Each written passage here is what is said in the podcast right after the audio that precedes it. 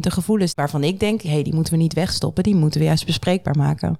Hoe ga jij om met verdriet? Hoe ga je om met rouw? Het mag van mij part een, een klas worden of een, uh, hoe heet het, een les worden op school. Wat doe je als de ander met een gebroken hart binnenkomt? Wat doe je als je dat zelf hebt? Weet je, we stoppen zoveel weg. Fijn dat je luistert. Wij zijn Wijze Helden. Een podcast waarin helden hun verhaal vertellen. Ze nemen je mee in een sleutelmoment in hun leven en je hoort hoe zij hier wijzer van zijn geworden. De verhalen van onze helden worden versterkt door talentvolle artiesten en producers, met onder andere poëzie, muziek en zang. Mijn naam is Ramiro Martina en samen met Bas Schepers gaan we op zoek naar deze bijzondere verhalen. Deze eerste aflevering is direct een bijzondere. Het is namelijk een huiskamer-interview. Wij, Bas en Ramiro, gaan in gesprek met artiest en stemkunstenaar Luca Warmer. Luca deelt met ons waarom zij een wijze held is. Luca, ik heb je ontmoet tijdens je theatertour. Appels ja. met tranen. Ja, klopt. Ik heb je daarna gevraagd. Jij zat in het publiek. Ik zat in het publiek, ja. Ik dacht, uh, ik vraag het gewoon. Ik trek de stoute schoenen aan. Ik vraag je gewoon of je daarna mail wil doen met onze podcast. Gelukkig zei je ja. Ja, tuurlijk. En daarom zitten we hier vandaag. Ja. Maar waar zitten we? in Rotterdam, in Rotterdam West. En um, je zit aan een eettafel van mijn oma eigenlijk, waar we heel veel gesprekken aan hebben gevoerd. En um, ze is helaas niet meer, maar deze, ja, dit, dit item is mij best wel dierbaar. Je zit ook op, op haar stoelen. Nice. En um, ik, ja, ik hou er wel van om dingen een, een tweede leven te geven. Eigenlijk ook wat ik een beetje heb gedaan in, uh, in mijn voorstelling. Van verdriet en rouw uh, kunst maken. Iets, uh, iets transformeren. Hoe ben je in Rotterdam gekomen? Eigenlijk heel intuïtief. Um, want even kijken, hoe ging dat? Ik zat toen. Eerst toerde ik met allerlei projecten. En toen dacht ik, ik ben niet goed genoeg voor het conservatorium. Ik denk dat ik naar de toneelschool moet. Um, want daar kan ik ook muziek en mijn liefde voor uh, theater en, en verhalen vertellen combineren. En toen deed ik de auditie en toen werd ik maar niet aangenomen. Kan elke keer tot de derde ronde. Elke keer werd ik op het laatste daaruit geknikkerd. En toen um, kwam ik uiteindelijk toch op de theaterschool terecht. Maar daar kon ik niet helemaal mijn, mijn draai uiteindelijk vinden. En toen dacht ik, oh nee, ik moet weer terug naar die muziek. Dat is toch altijd het, het antwoord. Uh, ik moet weer gaan toeren. En toen ben ik eigenlijk heel intuïtief gaan kijken van welke stad, waar leeft er nou veel muziek. Oh. En uh, ja, heel ja, intuïtief. En zo ben je hier beland in Rotterdam? Ja, en dan ben ik eerst anti-kraak gaan wonen met allerlei kunstenaars. En uh, vijf keer in de week uh, staan jammen bij allerlei nice. wereldsessies, uh, jazz, jams, um, blues, gospel. Ja, hier is gewoon heel veel. En uiteindelijk toch auditie gedaan op het conservatorium en aangenomen. Toen had ik zelfs nice. keus. Nice. Ja. Hey, nu word je een beetje overvallen door ons. Zoveel mensen plotseling in je woonkamer. Maar ja, drie mannen. Drie mannen, keer. precies. maar hoe ziet zo'n ochtend voor jou normaal eruit? Dus ben je aan het werken? Ben je druk bezig met schrijven, muziek? Hoe ziet een ochtend voor jou eruit? Um, nou, deze periode staat wel heel erg in het teken van spelen. Dus veel naar buiten gericht qua energie. Veel naar buiten. Dus um, ik moet zorgen dat ik genoeg oplaad. Door genoeg slaap te pakken, goed te eten. Um, mijn instrument is, is, is, is, is, zang, stem. Dat is gekoppeld aan het lichaam. Dus ik uh, moet zorgen dat ik goed, uh, goed in mijn vel zit, ook mentaal. Willen jullie nog water? Ja. Nog niet? Bijna. Straks. Oké. Okay. Komt goed. Thanks. Uitgedroogd. um, dus de, deze periode staat eigenlijk heel erg in het teken van veel spelen, veel optreden. Maar uh, normaliter schrijf ik wel graag in de ochtend, begin middag. Ja, dat is wel een fijne, fijne, fijne periode van de dag. Of heb je nog andere ochtendrituelen, dingen die je normaal doet? Ja, ja, ik, ik uh, yoga. Oké. Okay. Ja, elke ochtend um, veel buikspieroefeningen. Zodat het lichaam wakker wordt, stemoefeningen. Oké. Okay. Ja. Er staat heel veel in het teken van je stemkunstenaar zijn, hè? Ja, het lichaam eigenlijk uh, zo ver krijgen dat iedere cel weet... we gaan iets doen vandaag. Ja. ja, we gaan weer optreden. En ook gewoon voor het warm maken. Want um, ja, en kijk, je kan in één... Ik, ik zou gewoon in één keer kunnen gaan zingen in de ochtend. Maar dan ga je halverwege het eh, optreden of daarna wel voelen dat je niet echt hebt warm gezongen. Weet je, en, en je, er zijn ook allerlei ontspanningsoefeningen. En ook sowieso, kijk, het is best wel een intensieve, spannende periode als je veel speelt. Dus ga terug naar die ademhaling. Uh, ademhalingsoefeningen, mediteren. Ja. Doe ik ook wel eens. Je klinkt dus meer als een ochtendmens, klopt dat? Of ben je toch een avondmens? Oeh. Of wil je dat niet definiëren? Ik bedoel, Ja. Mm, nou, als ik echt veel spanning heb, dan ben ik uit mezelf heel vroeg wakker. En dat is eigenlijk nooit echt goed. Maar ik, ja, ik, ik ben, ga to- soms dan schrijf ik ook wel eens in de avond, ja. ja. Ja. Dus dan ga ik wel tot, tot een uurtje of één, twee door. Oké. Ja. Want Maar ik zet meestal wel wel weer een wekker. Dus Om toch zijn, op tijd... eh, Dus het zijn eigenlijk nachten en het zijn ochtenden. ja. ja. Want geeft het je spanning, ze- deze periode, waarin je zegt, ik, ik treed veel op, ik treed veel naar buiten? Ehm, nou, ik vind het tegelijkertijd het allermooiste wat er is. Dus ehm, de spanning is het dan ook waard. Het is niet zo dat ik zoveel spanning ervaar dat ik eh, eh, ergens loop te, kotsen of zo. Dat, dat, heb ik gelukkig niet. Ehm, het spannendste vind ik eigenlijk het moment voordat je het podium opgaat. Die twee minuten, vijf minuten die daarvoor zit. Dan denk ik altijd dat ik het niet kan. Of eh, dat, het, dat niemand me tof vindt. Of, ja. En hoe pak je de draad dan op? Ik bedoel, dat is toch best ja, dan confronterend of terug, ja, eigenlijk die ogen dicht. ehm, en terug naar de ademhaling. Eigenlijk Ja. heel erg in het moment zijn. Proberen te zijn. Ja, en wat het ook wel spannend maakt, is dat ik nu bezig ben met heel veel soorten projecten. Dus dat ik ook me, gewoon, me goed moet focussen van, oké, met wie speel ik vandaag? En wat is het repertoire? En daar bouw je natuurlijk naartoe. Ehm, maar nou ja, dat moet ik me gewoon goed, goed beseffen. Wat is dit voor publiek? Weet je wel, hoe, ehm, welke optreden je ook doet, je moet je altijd verhouden van wie heb ik voor me. En ehm, ehm, ja, hoe, hoe, voelen, hoe voelt deze massa aan? Want dat is echt altijd anders. We zijn al een tijd met elkaar aan het praten, maar Luca, Ja. wie ben je eigenlijk? Nou, ik ben dus Luca Warmer, Luca Warmer. Ik ben 28 jaar en ik eh, maak kunst met mijn stem. En eh, dat doe ik door middel van autobiografische composities van klank en ritme. En daarnaast ben ik werkzaam in allerlei projecten die ik tof vind. Met klassieke muzici van het Residentieorkest in Revolve. Een Motown Soul, 15-koppige big band. ehm, waar we dus ehm nou ja, Motown-stukken mee doen. Eh, verschillende jazzformaties waarmee ik eh, mag optreden. En dan mijn eigen voorstelling met een eh, trio. Met wereldmuziek en gedichten. Eh, in de voorstelling Appelstroop met tranen. Hoezo? Appelstroop met tranen. Ik zat ehm, toevallig ook aan deze eettafel. En het was op een, ehm, een ochtend. En, en, en nou ja, voor, de, voor de luisteraars, mijn vader is eh, overleden drie jaar geleden. En dan kom je in een periode van rouw. Ehm, dan doet je lichaam pijn.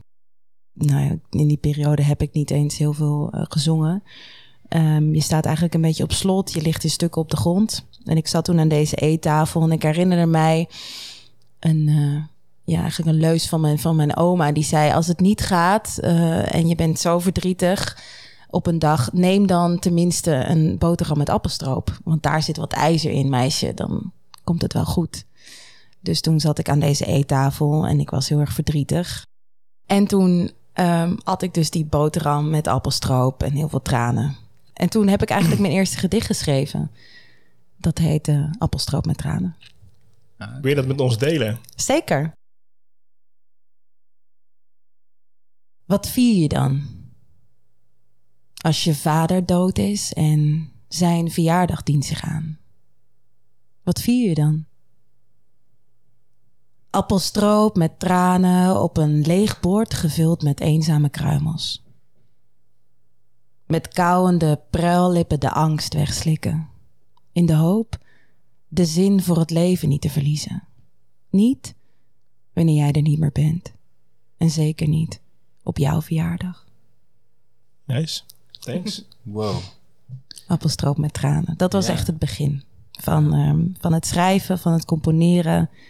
Ehm, eigenlijk met een lichaam vol pijn. En tegelijkertijd merkte ik dat dat juist ook heel, dat het daardoor ook heel organisch werd. Dus als je met pijn gaat zitten en je gaat er naar luisteren, naar welke woorden er dan uitkomen na een tijdje. hè, Want eerst is er gewoon verdriet, niks. Gewoon gestrand Ja. in je keuken, Ja. op het bed, whatever. Maar na verloop van tijd komt er toch weer een soort energiestroom op gang op een bijzondere wijze.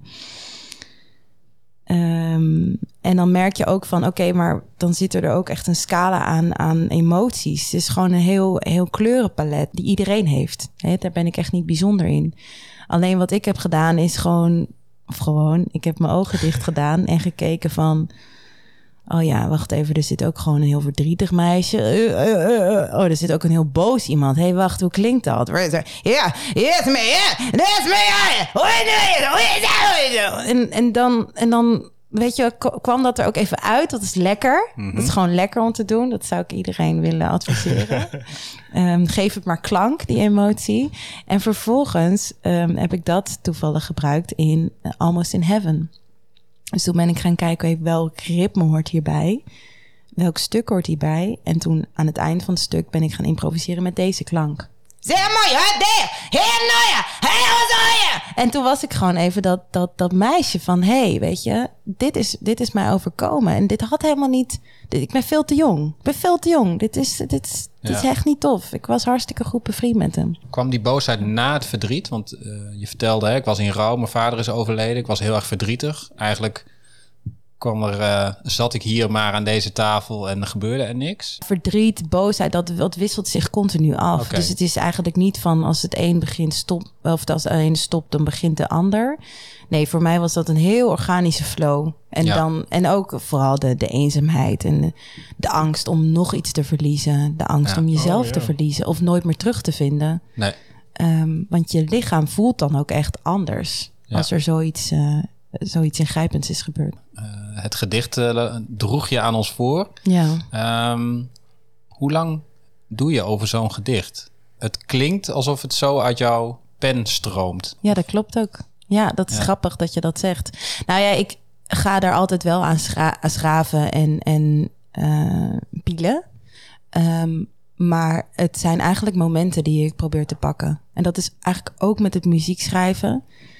Ehm, ik heb wel eens minors gevolgd over componeren. En dan, dan, dan kom je ook heel erg tot, ehm, ja, ja, ik zou bijna willen zeggen, trucjes om tot klank te komen. Door middel van intervaloefeningen. Of je kan, nou ja, eh, als je het, als je even eh, meer fantasie op wil doen, zeg maar. Maar voor mij is dat, is dat ja, letterlijk een, een beleving geweest. En vanuit die beleving ben ik gaan schrijven. Dus ik had niet, ik hoefde eigenlijk alleen maar te gaan zitten en te gaan voelen en echt naar binnen te luisteren. Echt naar binnen te gaan. Ook durven te gaan zitten met die angsten. Durven te gaan zitten met al dat verdriet. Ja, En dat ver- vervolgens vertalen naar kunst. naar een klank. Naar ja. een klank, ja, Ja, precies. naar een klank of naar een ritme. Doem, doem, Ja. En op, op basis daarvan maak je dan een nummer of een gedicht. Ja, Want als jij op een verjaardag zit, ik ga even helemaal terug, hè? en mensen vragen, wat doe jij nou? Dan hebben ze al op de eh, website van jou gelezen van eh, stemkunstenaar. maar wat zeg jij dan op zo'n verjaardag? iemand die eh, een connectie heeft met zijn lichaam, waardoor die met zijn stem eh, daar expressie aan kan geven. Nice. Dus het is eigenlijk, het is één groot instrument, dat is met elkaar verbonden. En als stemkunstenaar denk ik dat, dat je niet alleen zingt, maar ook echt denkt in klank. Dus dat je bijvoorbeeld echt denkt. Dat kan een piepende deur zijn of. Oh, the little bird. En dat, dat dat dan een vogeltje is wat voorbij komt. Of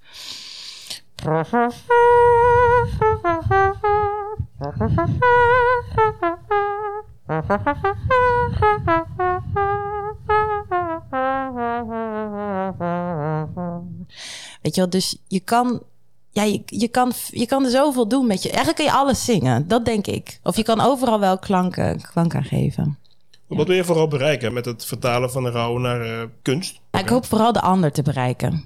Want uiteindelijk, kijk, voor mij was het een opstapje naar verwerking. Maar voor iemand, kijk, het rouw en pijn en verdriet, dat voelen we allemaal. Dat, het maakt niet uit eh, wie of, wat je bent, waar je vandaan komt. Het is universeel. Um, maar ik denk wel dat we een keuze hebben van hoe we ermee omgaan. En ik denk door te laten zien, nou ja, door het letterlijk op tafel te leggen bij mensen van ja, zo heeft het gevoeld. Um, luister maar dan maak je ook dat er bij de ander een opening kan komen en, kan, en ze kunnen denken of voelen: oh ja, het mag er gewoon zijn. Ja, kunst kan je kwetsbaarheid aanraken. Ja. Of uh, ja. ja. dus dit is, en dat is ook een heel dankbaar iets, hè? Want als ik um, die voorstelling heb gespeeld, dan zijn het zoveel echt warme, ja, ik zou bijna willen zeggen, maar ja, dat voelt dan weer aan maar lovende reacties. Gewoon echt van, wow, je hebt me geraakt. Mensen die huilend, mensen die heel graag willen knuffelen. Oké, um, en, doe je dat dan?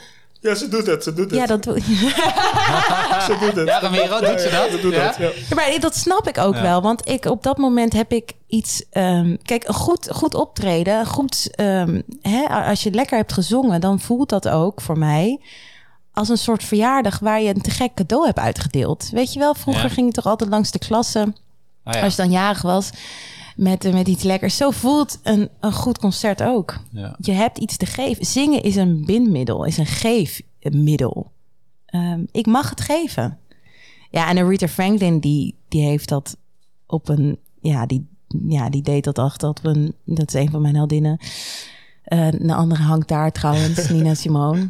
Um, die ander hangt in, de, in mijn kleedkamer. Dat is. Uh, Ramiro, ik kan mijn vraag doorstrepen wie haar heldinnen waren. Ja, dat is oh, ja, dat staat. Okay, nice. Maar bijvoorbeeld, Rita Franklin, die, die zei altijd: um, zingen en, en muziek voelt voor mij alsof ik. I'm just the postman. Weet je, ik connect met daar, ik connect met hier en I'm just the postman. Het stroomt. En ja, dat zijn de meeste gekke concerten. En zeker ook als je in improvisatiemuziek zit en de jazz, dan krijg je heel erg de kans om muziek te maken in het, in het nu. Want Ramiro, jij bent naar de voorstelling geweest. Ja. Ik ben gewoon heel benieuwd. Hoe was het? Ja, ik ervaar het als, als, een, als een warme bad, weet je. Dat je gewoon comfortabel um, er mag zijn. Dat vooral. Dus dat je gewoon er mag zijn.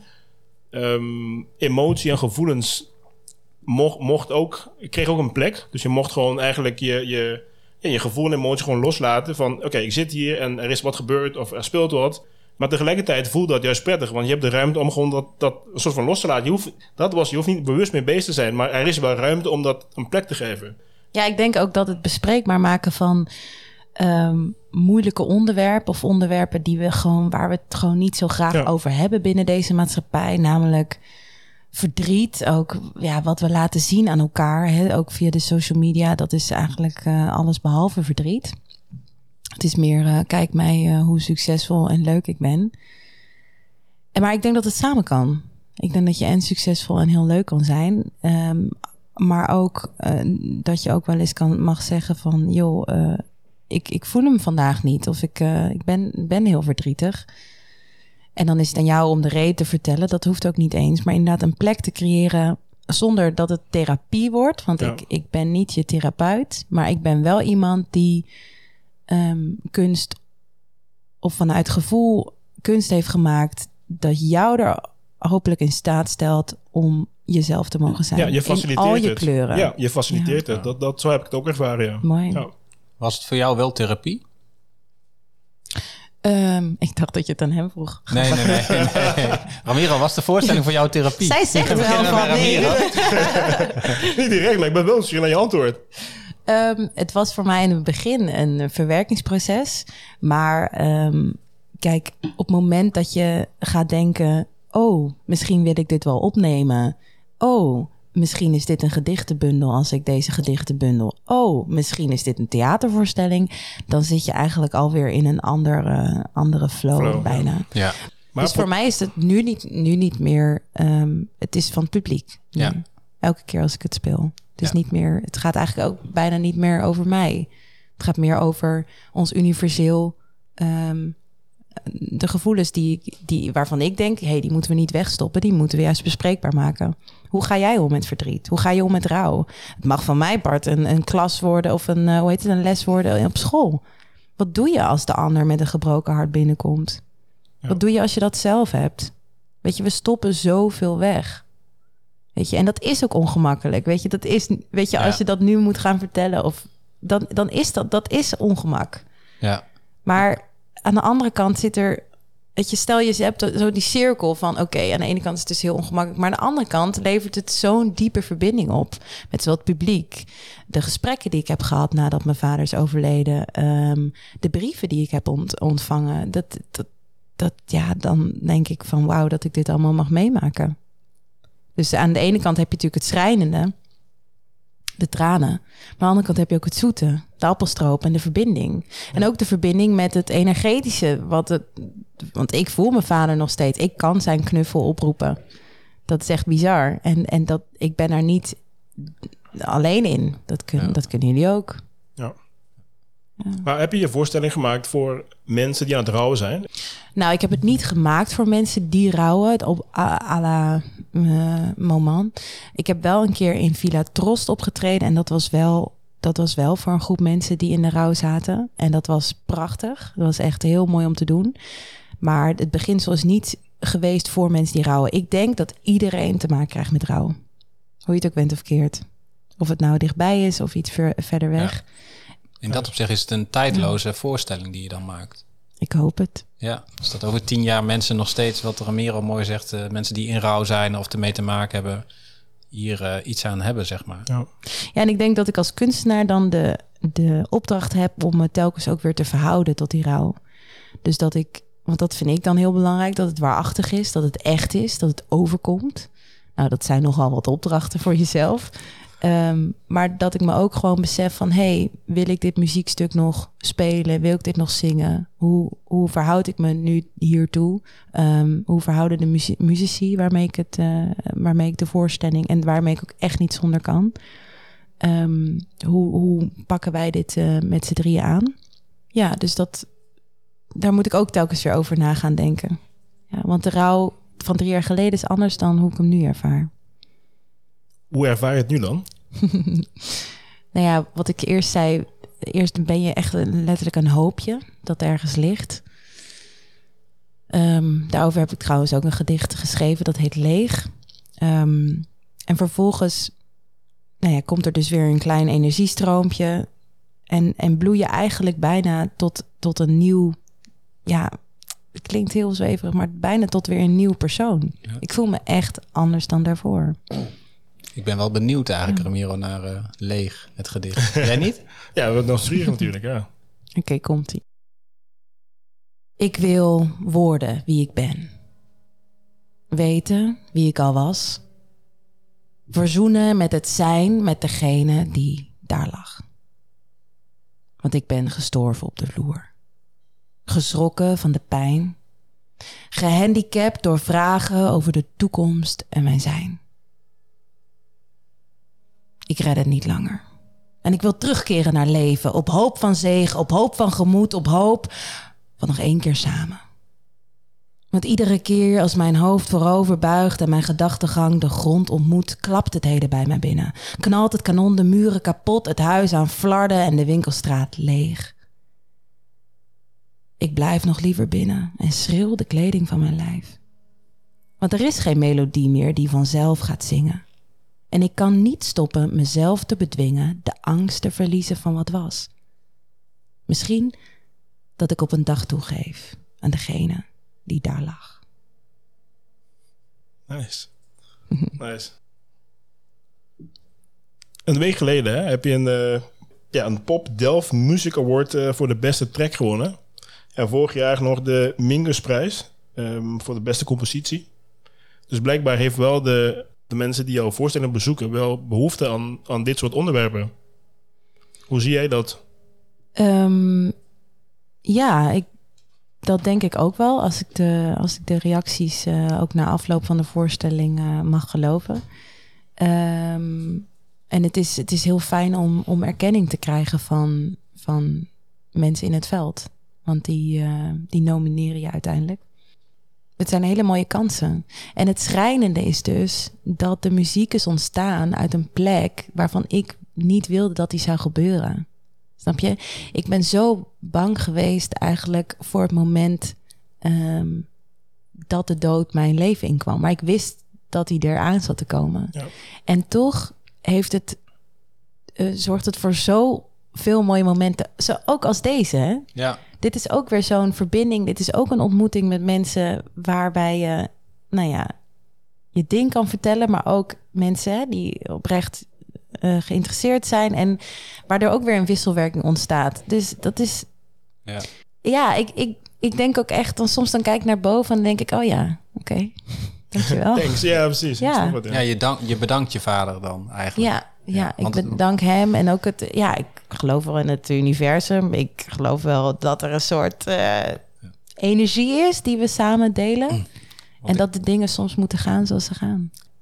Het, het lot, eh, ja, is zo. Is, het is echt zo. Het is wat het is. Het is echt zo gegaan. En ehm, ja, ik heb daar wel een soort verzachting ook in kunnen vinden van. Oh ja, zonder het een was het ander er ook niet. Nee. Dus zonder het overlijden was de muziek er niet. We hebben, Ramiro en ik hebben allebei les gehad van Mieke Bauma. Mm. Eh, een, een dramaturg, een Ja. theaterregisseuse volgens mij. En ik vond dat zij altijd heel... ehm, zij zei, wat is de kracht van verhalen en verhalen gebruiken? Ik weet niet of je nog kan herinneren, Ramiro. En zij zei altijd, je kunt van je lot je plot maken. Mm. Dat is ook iets wat ik bij jou hoor. Je maakt van iets wat je overkomt, wat je heel verdrietig maakt, daar maak je iets van. Ja, maar het liefst zou ik natuurlijk willen dat hij dit kon zien. Ja, Snap je? Dus ook Ja. bij alle prijzen en ook bij, alle, eh, bij het afstuderen. Hij heeft een afstudeerconcert niet gezien, weet je wel. Dat voor mij, kijk, hoeveel erkenning er ook is, maar als, als hij dat niet ziet, ja, dat en dat dat dat dat, dat stukje, ja, dat dat blijft toch nog een, dat dat is mijn mijn uitdaging eigenlijk.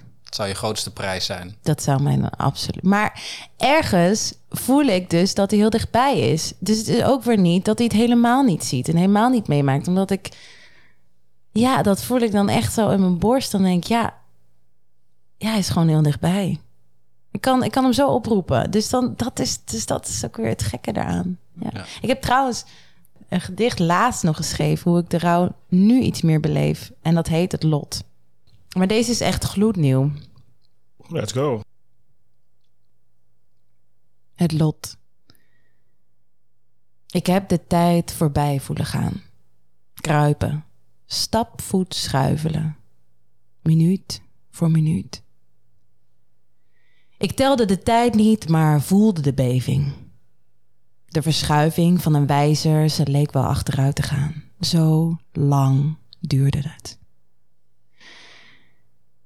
Pijnwortels verwoven in mijn aderen. Ik lig wakker. En dat lig ik straks nog steeds. Wakker om maar niet te hoeven ontspannen. Onbewogen jezelf vergeven aan de overgave, niet te willen overwegen, rust te nemen. Als dit een gevangenis is, zou ik alleen maar willen ontsnappen. Schuddend aan de tralie, smekend om sleutels, doe open, sluit me in jouw armen. Daar waar pijn me niet te pakken krijgt en warmte trotseert. Ik kan niet zonder, maar ook niet met diepe leegte met aan het eind geen vangnet. Vertel ons iets meer over je vader, want eh, kom je creatieve en artistieke drive juist van hem? Ja, eigenlijk wel. Ja, ehm, ik moest eh, toen ik een jaar of drie was, zat ik als meisje zo met mijn oren dicht eh, op de bank. Want toen moest ik, moest ik luisteren naar Frank Zappa. Eh, voor de mensen, nou ja, je knikt zo van, ja, het moest. I know. moest. Ja, het moest. Ehm, dat is een geweldig, ehm, bizar goede jazz-gitarist. Maar eigenlijk, hij is veel, rock. Hij is veel meer dan dat. Eh, hij, nou, de- deze man heeft zoveel moois en experimenteels gecomponeerd. Ehm, en mijn vader had, nou, denk ik, bijna de hele selectie. En dat is echt zo, want ik heb hier verhuisdozen nog vol met Frank Zappa materia, material. Ehm, dus daar moet ik naar luisteren. En daarnaast naar Keith Jarrett en Philip Glass. En dat was wel ook het begin van, van luisteren naar jazz.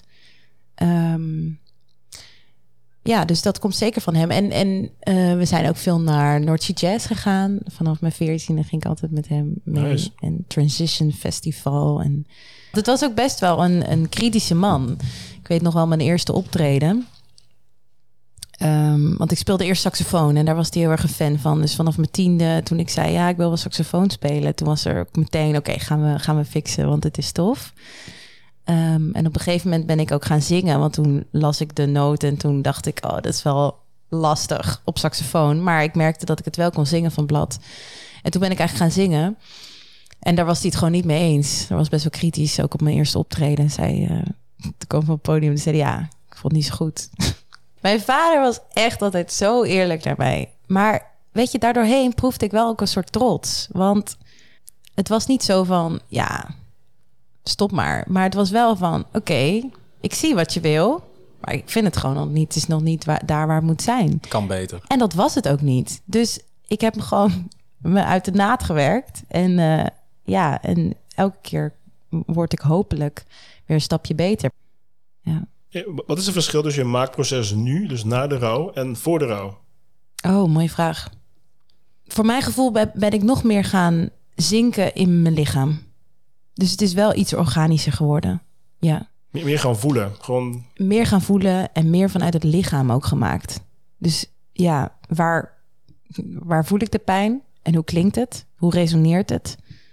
En ik denk, ja, nee, ik, ik kan op meerdere manieren maken. Want je kan, je kan dan heel erg veel gaan opschrijven op, op een partituur. En dat doe ik soms. Maar ik heb ook dat ik het eigenlijk al in het proces nog, dus dat het nog niet af is, maar dat ik het dan voorspeel of voorzing. Uh, aan uh, de muzici waar ik mee werk. En dat ze dan al, dat we er eigenlijk op gaan jammen. En dan gaan kijken, oké, hoe voelt dit nog meer? En wat voor ideeën liggen er nog meer in, het, uh, in, in, dit materiaal? Nice. Maar ik denk over het algemeen ben ik iets meer, um, ja, misschien wel iets meer mezelf geworden. Ramiro is ook schrijver. Ik ben schrijver. Ik heb wel eens een writersblok. Mm. heb jij dat ook wel eens? Ja, ik denk dat ik dat ook wel heb. Hoewel, ik denk ook wel dat je elk moment van de dag creatief kan zijn. Ik geloof echt in creatie. Dus ook in moeilijke tijden zoals zo'n pandemie. Ik geloof dat je altijd wel kan creëren. Maar ik heb eigenlijk ook wel momenten waar ik gewoon creëer. Dat ik ook wel van mezelf weet, ja, als je heel veel loopt op te treden, dan is dat meer de focus. Dus dan wordt er iets minder gecreëerd. Maar ik weet straks, stop die periode. En dan, ik heb nu al zin om te gaan schrijven. Oh ja. Dus dan weet ik, ja, ik probeer er ook eigenlijk wel heel op een organische manier mee om te gaan. Ik denk, ja, dat is misschien nog niet helemaal de periode. Nou, dan komt die nu wel. En ook het vertrouwen erin houden. Dat vind ik ook wel soms een lastige. Ja, dat het wel komt. En anders dat ga je naar het water. En anders misschien het water.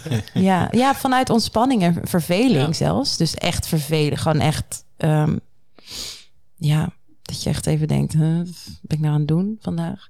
Daar ontstaat vaak wel uh, creatie uit. Ja. Als ik het er gewoon echt helemaal niet weet. Ja.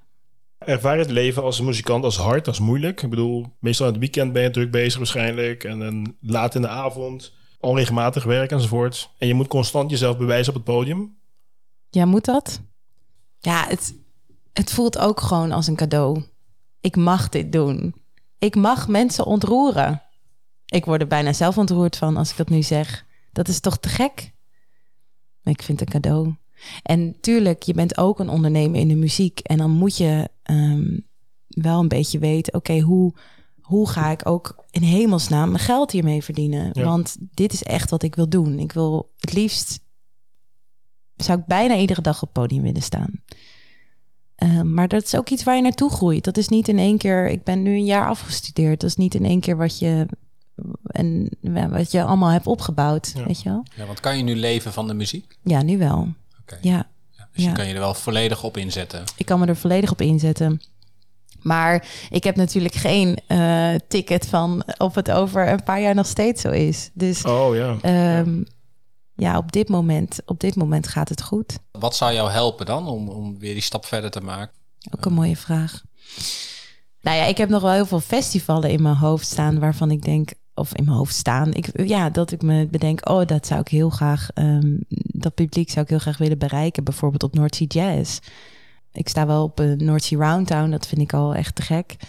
Uh, maar grote festivals zoals Montreux of um, buitenfestivalen, zowel in het uh, binnen- als buitenland, dat lijkt me echt, dat, dat, ja, daar zit volgens mij wel um, de key naar een leuk, succesvol muzikantenleven. Dus een grotere publiek ook? Is dat het ook? Of? Nou, ik denk voor deze voorstelling bijvoorbeeld ik heb me juist toegespitst tot de kleine theaters, omdat daar, daar kan je goed het intieme verhaal vertellen.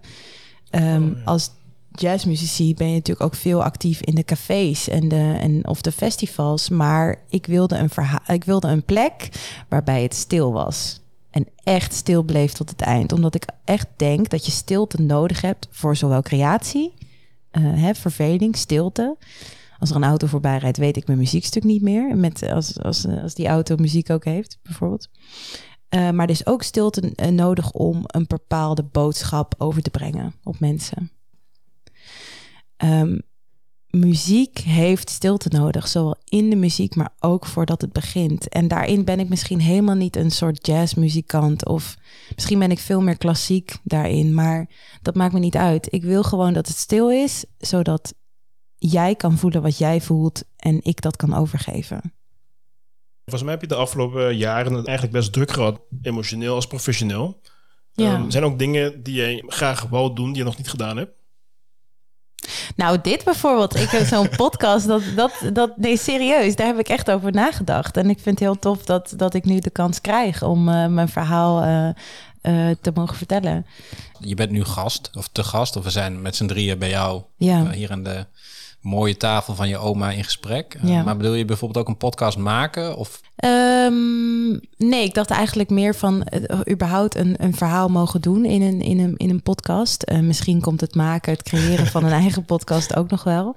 Het was sowieso het jaar van heel veel creatie, zoals een gedichtenbundel met muziek, uh, twee muziekvideo's met verschillende teams aan mensen die me echt geweldig hebben geholpen alles om maar dat verhaal te kunnen vertellen over, over de rouw, over bang zijn, verdrietig zijn en wat je daar nog meer uit kan halen. Ook eigenlijk over hoop.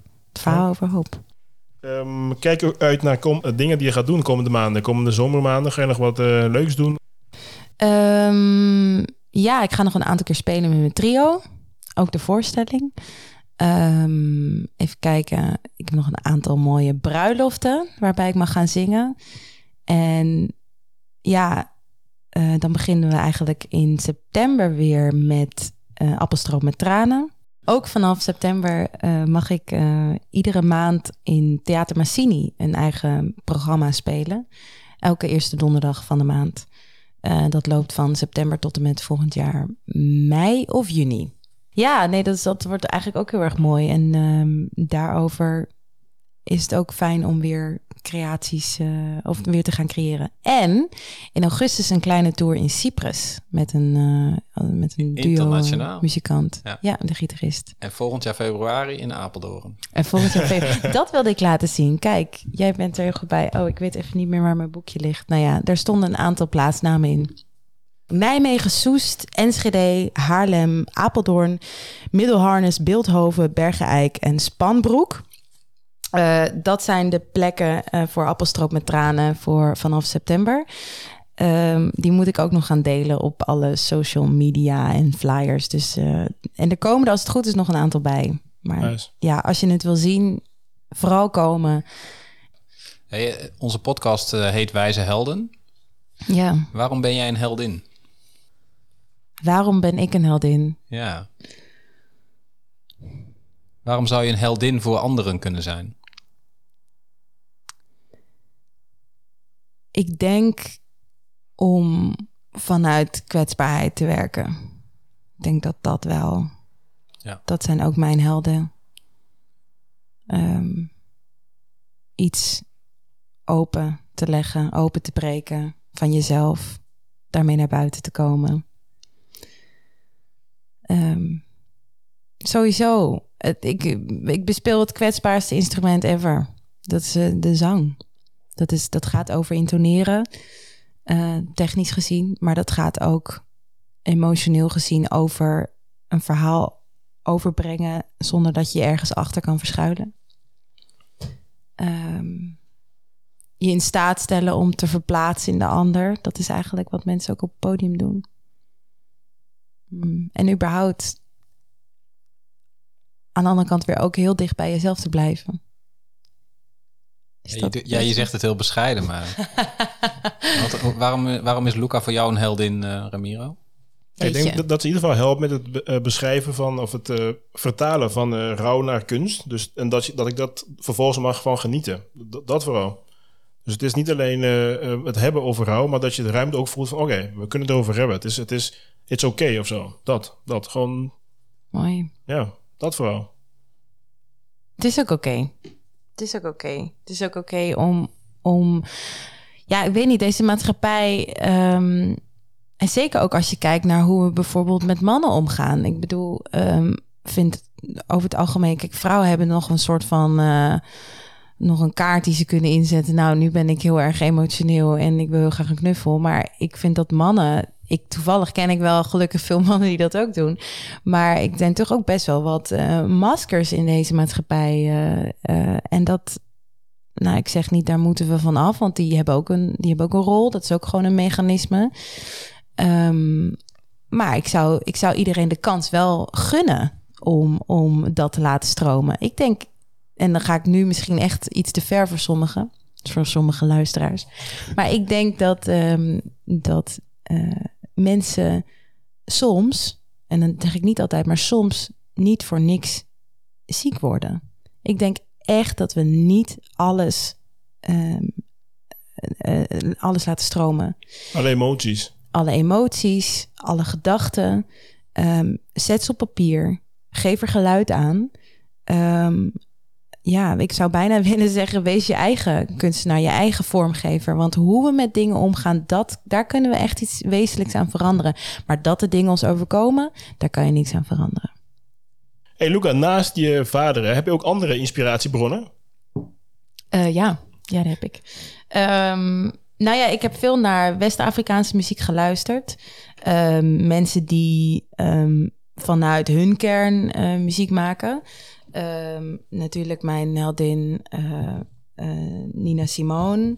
Maar ook bijvoorbeeld eh, Richard Bona, ehm Carmen Gray, jazzzangeres. ehm, en deze te gekke mensen, Miriam Mekabe en Ali Farke Touré en Toumani Diabate, die met de kora en gitaarmuziek eh, maken. En dit is vooral mijn bijbel geweest als het gaat over componeren, eh, zeg maar waar ik mijn inspiratie uit heb gehaald, maar ook gewoon een manier van muziek laten ontstaan. Het zijn haast, eh, haast jams op muziek. En ehm, ja, dat, dat, dat heeft het organische ook wel losgeweekt. Dat je, dat je mm, al, aldoende, zeg maar, kan je ook weer meer creëren. Dus je hoeft niet alleen maar iets helemaal af te componeren en vervolgens te geven. Maar je kan ook met muzici gaan zitten. Dit is mijn idee, iets voorspelen, iets voorzingen. En vervolgens daarop weer gaan bouwen. Dus het ging niet allemaal alleen om rouw. In, de, in, de, in je eh, voorbeelden, in je, in je inspiraties. Het gaat niet alleen om rouw. Nee, dat gaat eigenlijk over, over maken, over leven, over hoop, over ehm, de verbinding houden met jezelf. En dat kan, dat kan alle soorten muziek kan dat zijn. Heb je ook een boodschap voor jezelf over vijf jaar? De future Luca. Wat wil je Jeetje. nu al tegen future Luca zeggen? De grote vragen. In ieder geval, ik, ik begreep net North Sea Jazz, maar misschien wordt het juist totaal iets anders. Ik bedoel, Ja, wat- misschien wordt het iets heel, heel iets anders inderdaad. Ehm, maar je, vergeet niet, hè, je bent jezelf aan het luisteren op een podcast over vijf jaar. Dus aan tafel van je oma. ja, ik zou willen zeggen, blijf open. Sluit niet. Word niet bitter. Wat je ook overkomt, blijf open. Ja, en voor jou is muziek, stemkunst, dat is zeg maar jouw instrument om eh, open te blijven. Ja. Om open te blijven, ja. Blijf ook naar de ander, blijf de ander ook zien. De ander luisteren. Ehm, hè, als, ik, als ik nu een nummer ga zingen, dan gaat hij heel anders klinken als ik hem vanavond eh, voor een ander publiek zing. Ja. Elke keer verhoud je weer. Blijf open. Ja. Blijf die, die te gekke momenten ook voelen en ervaren. Nice. En volgens mij ga je nog iets voor ons zingen. Dus eh, Ja, wat, wat, want waar hebben jullie, eh, waar hebben jullie behoefte aan? in, in ons voorgesprek gaf je aan dat je eh, een fan bent van a cappella. Ja, Bijvoorbeeld a, a cappella, maar jij moet ook goed bij voelen. ja zeker. Of misschien heb je zelf iets dat je zegt van ja, dat moet ik, eh, dat Nou, moet ik ik- graag delen. Waar ik wel veel door ben geholpen. Kijk, wat altijd wel goed is, denk ik, als je een keer een ellendige dag hebt. Want daar hebben we toch wel eh, veel over nu. Van wat, waar, wat help je nou ontspannen? En ehm, ehm, voor mij is dat improvisatiemuziek. Maar wat, wat bij mij ook heel erg tot mijn kern komt, is eigenlijk de gospel. Mahalia Jackson bijvoorbeeld. Ehm, dus ik kan een stukje gospel voor jullie eh, doen, als je dat wil. Wow. Let's go. Ja.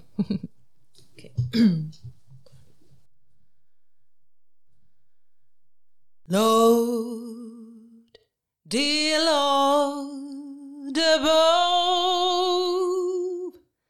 God Almighty, God of love, please look down and see my people through. I believe the sun and moon will shine sky. And when the day is gray, I know it's just clouds passing by.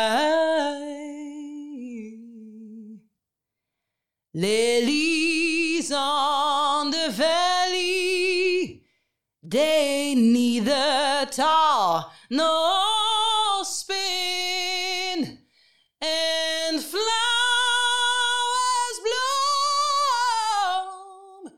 in springtime, and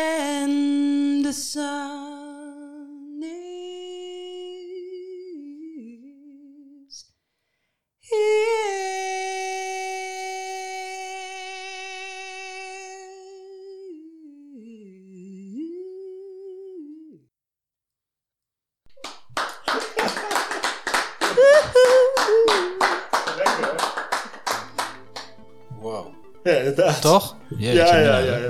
Dat heeft me wel geholpen soms. Om echt weer... eh, kan ik me voorstellen. Ik ben echt een beetje... Wow, oké. Ja, ik ook. maar ik had mijn koptelefoon afgedaan, dus ik... ik eh, Nou, dat klonk goed hoor. Ja, dat klopt goed. Ja, dat goed. Dat. Jeetje, Mina. Luca, dank je. Dank je. je. Je hebt geluisterd naar de podcast Wijze Helden. Aan deze aflevering hebben bijgedragen Rugen Leitu, Luca Warmer, Bas Schepers, Len Harmsen en Ramiro Martina. Wil je de volgende aflevering niet missen? Volg ons dan op Spotify of een van je favoriete podcastplatforms. Wil je zelf je verhaal vertellen, een bijdrage leveren of heb je vragen? Mail naar info.wijzehelden.nl Tot de volgende aflevering.